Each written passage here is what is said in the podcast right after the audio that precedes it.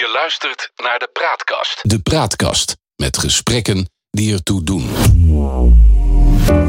Hartelijk welkom bij het tweede gedeelte van Nu is Later met uh, Werner Schouten. En uh, we hebben het net eigenlijk over gehad, over de, de hele prille start... waar de Werner vandaan komt in Noord-Holland met het bolle... Uh, de, de, pellen, hoe noem je dat nou? Bolle pellen, ja. Bolle pellen en... en is dat, tulpenkoppen. die, die bedoelde ik, het uh, tulpenkoppen. Maar we hadden het een, een, een beetje een cliffhanger uh, aan het einde van het eerste gedeelte. Um, want, um, hoe noem je het nou? De sweet spot? Ja, ja. je carrière. Die is, die is ontstaan in Zuid-Korea. Wil ik het zo over hebben. Maar je bent na de middelbare school, VWO mag ik aannemen, ben je een opleiding gaan volgen. Hoe heet die ook alweer? Advanced Technology. Ja, die onthoud ik toch niet. Maar fijn dat je het er even bij had. Heb je niet afgemaakt, begrijp ik? Jawel. Heb je wel afgemaakt. Uh, en in dat kader zat je in Zuid-Korea? Ik, uh, ik ben eerst aan de Universiteit Twente twee jaar gaan, gaan studeren. Ja. Um, en uh, die technische opleiding. Nou ja, ik, ik kwam daar en eigenlijk vanuit de overtuiging uh, dat ik goed was in, in, in technische studies. Dus ik ging daar ook maar mee aan de slag. En nou, toen had ik toch wel een stroeve start. Was in, het was, was uitdagend. En, en um, de, nou, het idee dat je, dat je heel goed was in technische uh, vakken. Uh, op de middelbare school kwam je in één keer op de universiteit... waar heel veel mensen heel goed waren in technische vakken. Ja. En um, nou, dat, dat knabbelt dan toch wel aan, aan hoe je jezelf zag. Mm -hmm. um, en dat was wel een, wel een onzekere tijd weer eigenlijk aan de start. Uh, kwam toch Want even... waar, waar, waar uitte zich dat bij jou in? Onzekerheid in, in um, wat je kunt, uh, wat je waard bent. Ik had het uh, bijvoorbeeld een oudere zus die, die deed al veel extracurriculaire activiteiten, honors, et cetera. En ik dacht van ja, die ambities had ik zelf ook. Mhm. Mm -hmm. En ik, ik, nou, ik, ik haalde mooie cijfers op de middelbare school. En dan ben ik wel in de val getrapt dat je jezelf gaat identificeren met de persoon die uh, goede cijfers haalt en die, die daarin excelleert. En zeker toen ik uh, in de eerste weken aan de universiteit kwam, was dat een koude douche. Want in één keer was ik niet meer een, een koploper op dat vlak. En dan, uh, dan is in één keer iets waar je je mee vereenzelvigt, is dat is niet meer het geval. En dat is. nou, dat maakt onzeker, zeker ook in zo'n zo'n andere omgeving. Um, dus dat was zo'n uitdagende tijd. En dan komt denk ik toch weer een beetje dat dat, dat verlegene en dat onzekere uh, naar boven. Waar, je, uh, waar, waar ik eigenlijk in de, uh, in de peuterspeelzaal mee te maken had. Nou, daar kwam de kleine Werner weer naar ja, boven. Ja, en, en, en op termijn ontwikkelde zich dat wel. En toen dan, dan tank je zelfvertrouwen ook gewoon door gewoon hard te werken. Um, en, en, en dan toch gewoon weer um, voor je eigen ideeën succesvol te zijn. Ja. Um, maar dan kom je er wel achter, zeker uh, deden we groepsprojecten. En toen kwam ik er eigenlijk achter dat ik, ik zag mensen opfleuren bij, bij het, het schrijven van code voor computers, bij het, het maken van een zelfrijdende auto dat we voor één project hadden gedaan. En ik, ik dacht van ja, dit is wel leuk, maar ik heb hier helemaal, niks eigenlijk mee. helemaal, helemaal geen affiniteit mee. Ik kan het wel aardig, maar of ik het nou, of ik er nou uh, warm of koud van word, totaal niet. Nee. Maar had je toen wel een alternatief waar je wel warm en koud van werd? Nee, toen zeker niet. En toen, toen ben ik juist heel explorerend gaan zijn. Dus ik ben in mijn vrije tijd, of was ik eigenlijk wel een soort van. Um, ja, ben ik eigenlijk, uh, werd ik een soort van schot, schot hagel. Ik deed in mijn academische carrière deed ik heel veel met techne, techniek, et cetera. In mijn vrije tijd ging ik lezen over sociologie, over psychologie. Ik deed wat extracurriculaire vakken over, over uh, honors, heette dat dan, over change management, over leiderschap, et cetera. Dus maar je stond er wel heel positief in, want je zou er ook depressief van hebben kunnen worden. Maar dat werd je dus blijkbaar niet. Of nee, toch wel een klein depressief beetje? is een groot woord, maar je bent wel uh, uh, zoekende. Um, nee, maar je bleef wel actief. Want ik kan me voorstellen, ook vanuit mijn carrière, daar kom ik heel veel mensen tegen die juist van die onzekerheid die je net mooi omschreef, helemaal dichtklappen. En eigenlijk tot niks meer komen. Want ja, ik weet niet wat ik wil. En jij bent juist op onderzoek gegaan. Ja, maar ik, ik wil niet zeggen dat het niet moeilijk was op, op moment inderdaad, om, dat, je, dat je het niet wist. Um, en dan, dan toen ging ik eigenlijk juist meer lezen over een soort van nihilisme. En, en, en zeg maar, basis dat zeg maar, uiteindelijk het leven zelf om zingeving draait. En dat het uiteindelijk in uh, uh, je eigen verantwoordelijkheid is om, om ergens om, om zin aan het leven te geven. En om, om dat in te vullen. Maar dat had je op dat moment nog niet. Dus die, dus die zingeving waar we straks op komen, die had je nog niet, toch? Nee, nee dat Nee. klopt. Ehm, Maar dat, dat, dat, dat zorgde er niet voor dat je in, in, in dat tijdsgewricht wat aan het verdwalen was.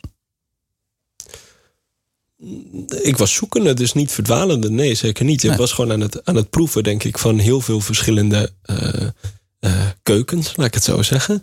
En, en, en ehm, dan was eigenlijk een, een repeterend patroon, is dat van, vanaf de buitenkant leek bijvoorbeeld so- sociologie het voor mij. En dan ging ik erin zoeken en dan ging ik maar langer mee bezig gaan. En dacht van ja, nee, uiteindelijk toch weer niet. Het was, het was toch wat. Mag ik dan stellen dat, dat, jouw, dat, dat jouw hele stabiele achtergrond, waar we het in het eerste gedeelte over gehad hebben, van het, het eh, normale, gezonde gezin waar je uitkomt, laat ik het zo maar even noemen, dat dat hier ook een rol speelde? Dat je, dat je vanuit die basale veiligheid deze zoektocht kon aangaan?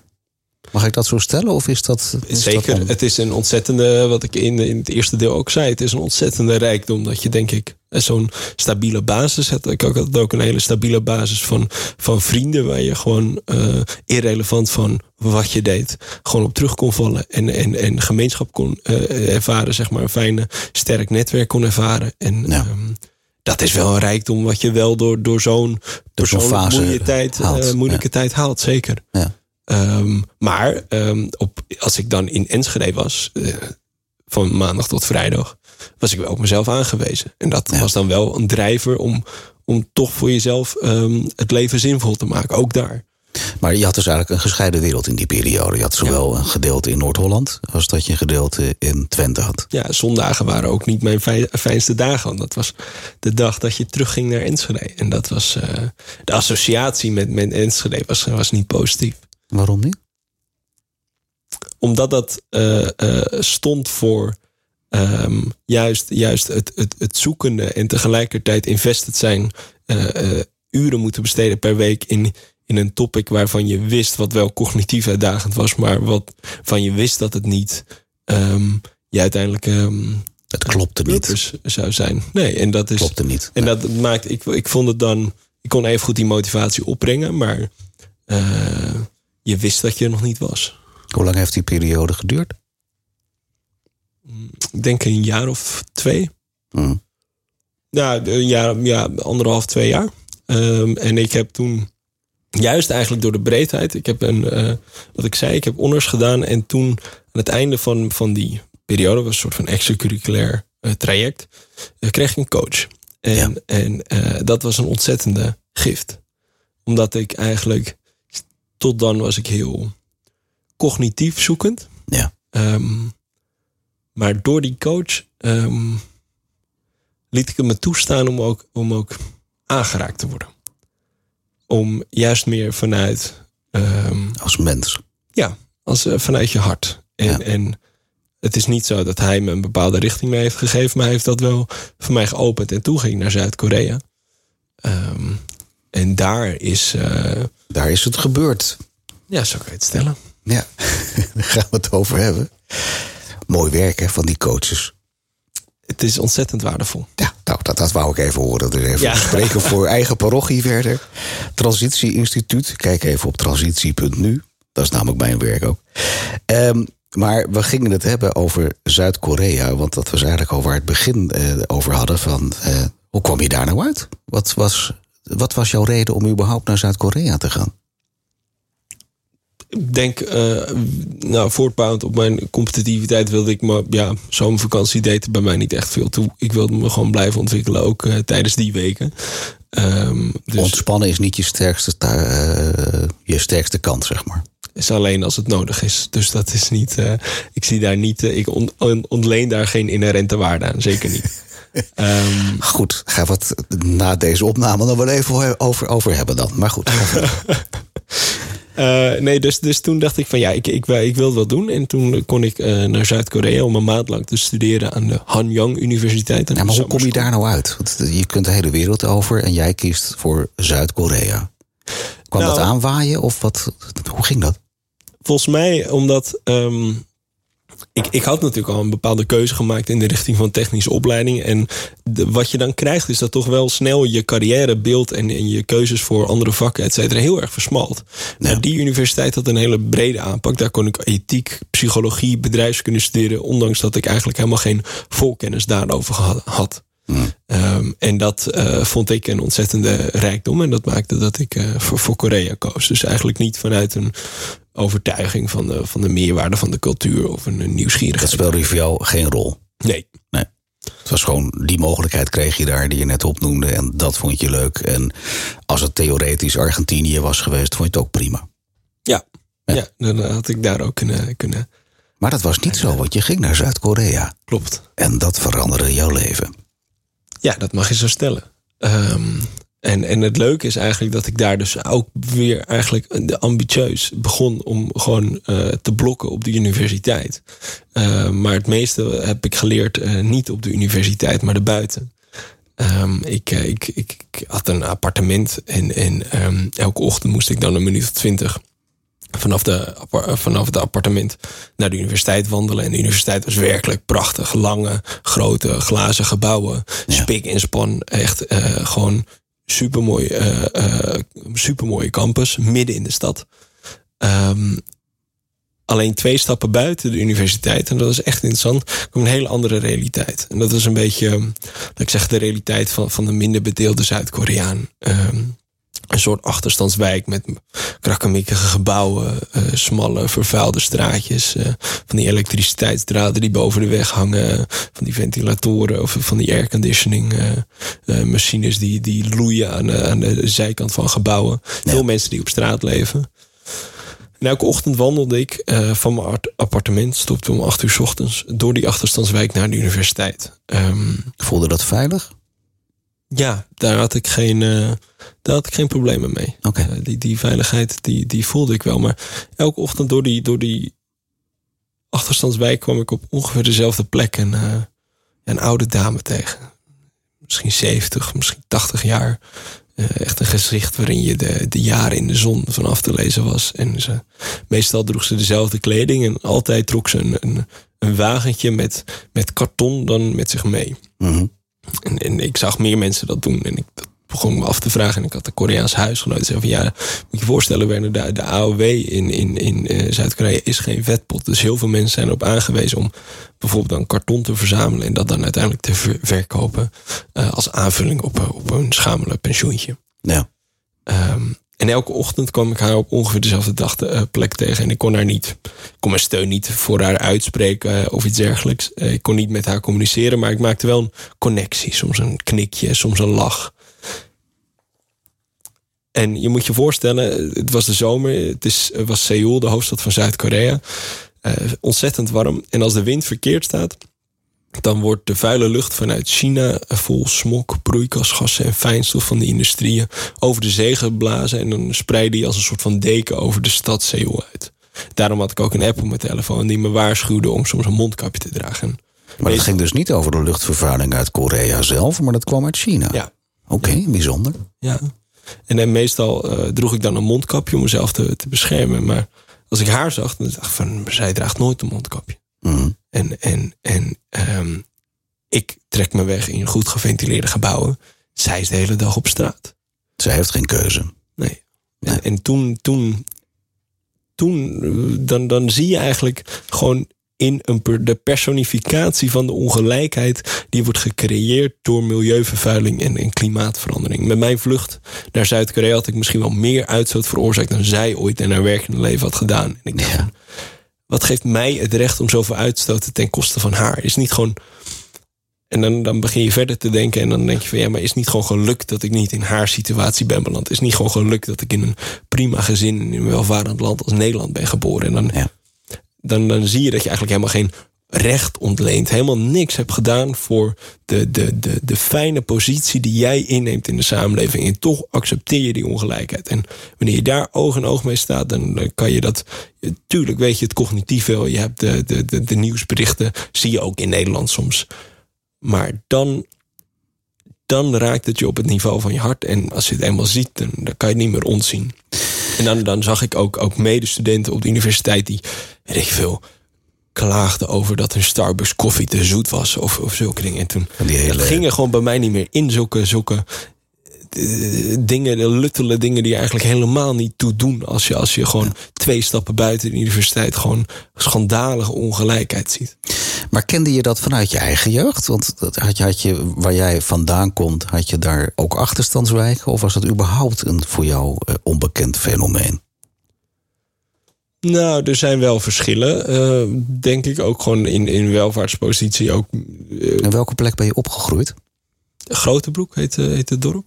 een dorp, oké. Ja, Um, en, en ja, er zijn wel verschillen in, in rijkdom, maar niet exorbitant groot eigenlijk. Niet, niet in de vorm zoals je die voor het eerst dan eigenlijk in je leven in Zuid-Korea Ja, dat, dat was ook het bijzondere dus, uh, van Zuid-Korea, is dat die, die wijken ook gewoon naast elkaar liggen. Mm. En zeg maar de, de, de fantastische, rijke universiteit naast de, de, de, de achterstallige achterstandswijk. Dat is extremer, vind je, als dat we hier in Nederland kennen of in Europa? Mm, Europa kan ik niet veel over spreken. Maar, maar uh, in Nederland zeker, denk ik. En daar, daar um, ja, ja, dat de, de, denk ik, zeg maar, de, de welvaartspositie van de. Van de uh, um, die, die, dat is niet zo'n waterscheiding zoals daar. Nee. Tenminste, ik had dat nog niet zo ervaren in Nederland. Maar je omschrijft eigenlijk twee thema's tegelijkertijd. Enerzijds geef je het thema aan van, joh, er, er zit een enorme maatschappelijke ongelijkheid in. Je hebt het over de pensioenvoorziening in Zuid-Korea, waarin eh, deze dame die je daar eh, mocht ontmoeten, ja, daaronder onder leed, onder, onder het stukje. Eh, uh, ja, wat je gerust kapitalisme mag noemen. Het tweede wat je als thema naar voren haalt, is dat je eigenlijk stelt van, van dat daar zo'n milieuvervuiling uh, uh, mee een rol in speelt. Maar dat zijn toch eigenlijk twee losstaande thema's? Want later breng je ze weer in verbinding dat je zegt van ja, maar voor die welvaart is die vervuiling nodig. Die vind ik ver gaan. Dus ik, ik zit even te zoeken. Ik ben nu een vraag aan het ja. formuleren. Nou, ik... Wat was voor jou op dat moment het, het uh, meest stuitende? Want je, je geeft ook aan dat je eigenlijk een beetje wakker werd. Ja. ja. Nou, het, het stuitende kwam van, van, van die ervaring dat je dus eigenlijk oog en oog staat met het feit dat, dat milieuvervuiling geen, geen ver van het bedshow is, maar eigenlijk gewoon een pijnlijke realiteit voor miljoenen mensen. En dat in Seoul daar. In Seoul daar. Ja. En, en dat je dan um, sommige mensen dus op zichzelf zijn aangewezen voor die bescherming. En dan het, het creëert een soort van scha, uh, scheiding tussen can en cannot. Hè. Sommige mensen kunnen zich beschermen en anderen simpelweg niet, omdat je gewoon ja. de middelen niet hebt. En, en toen ging ik er onderzoek naar doen. En toen, dan, dan komt eigenlijk die koppeling heel duidelijk.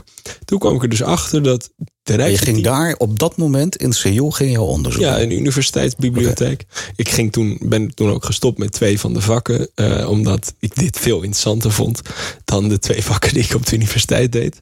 Um, en dat ging veel meer over die, die, die nou, klimaatongelijkheid.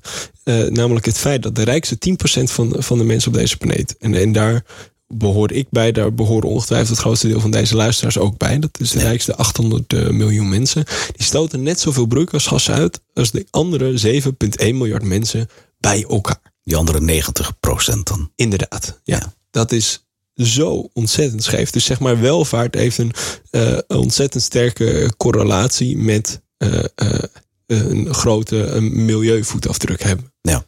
Um, en daarmee uh, vergroten we nogmaals, uh, uh, het is een grote divider. Omdat de mensen die op de, de armste mensen, die leven doorgaans ook op plekken waar klimaatverandering als eerste toeslaat. Het is Sub-Sahara-Afrika, maar dus ook in de delta's van, van Bangladesh, et cetera, die als eerste worden geraakt door, door de stijging van de zeespiegel, maar ook verdroging. En daardoor die mensen nog verder eigenlijk uh, in, in een soort van uh, ja, een, uh, een, een penibele situatie drukken. Maar dan blijven dus die twee thema's vanuit jouw perspectief door elkaar lopen. Ze zijn inherent met elkaar verbonden. Precies. Dan hebben we het dus niet alleen over een milieuknelpunt, maar hebben we het ook over een, een, een politiek-maatschappelijk knelpunt. Ja. ja. Het veranderde jou, jouw leven in Zuid-Korea. Daar hebben we nu nog maar een klein stukje van open mogen doen. Maar we zitten alweer aan het einde van de tweede aflevering. Dus Werder, zo meteen uh, zie ik je graag terug aan de andere kant bij uh, deel 3 met Werner Schouten.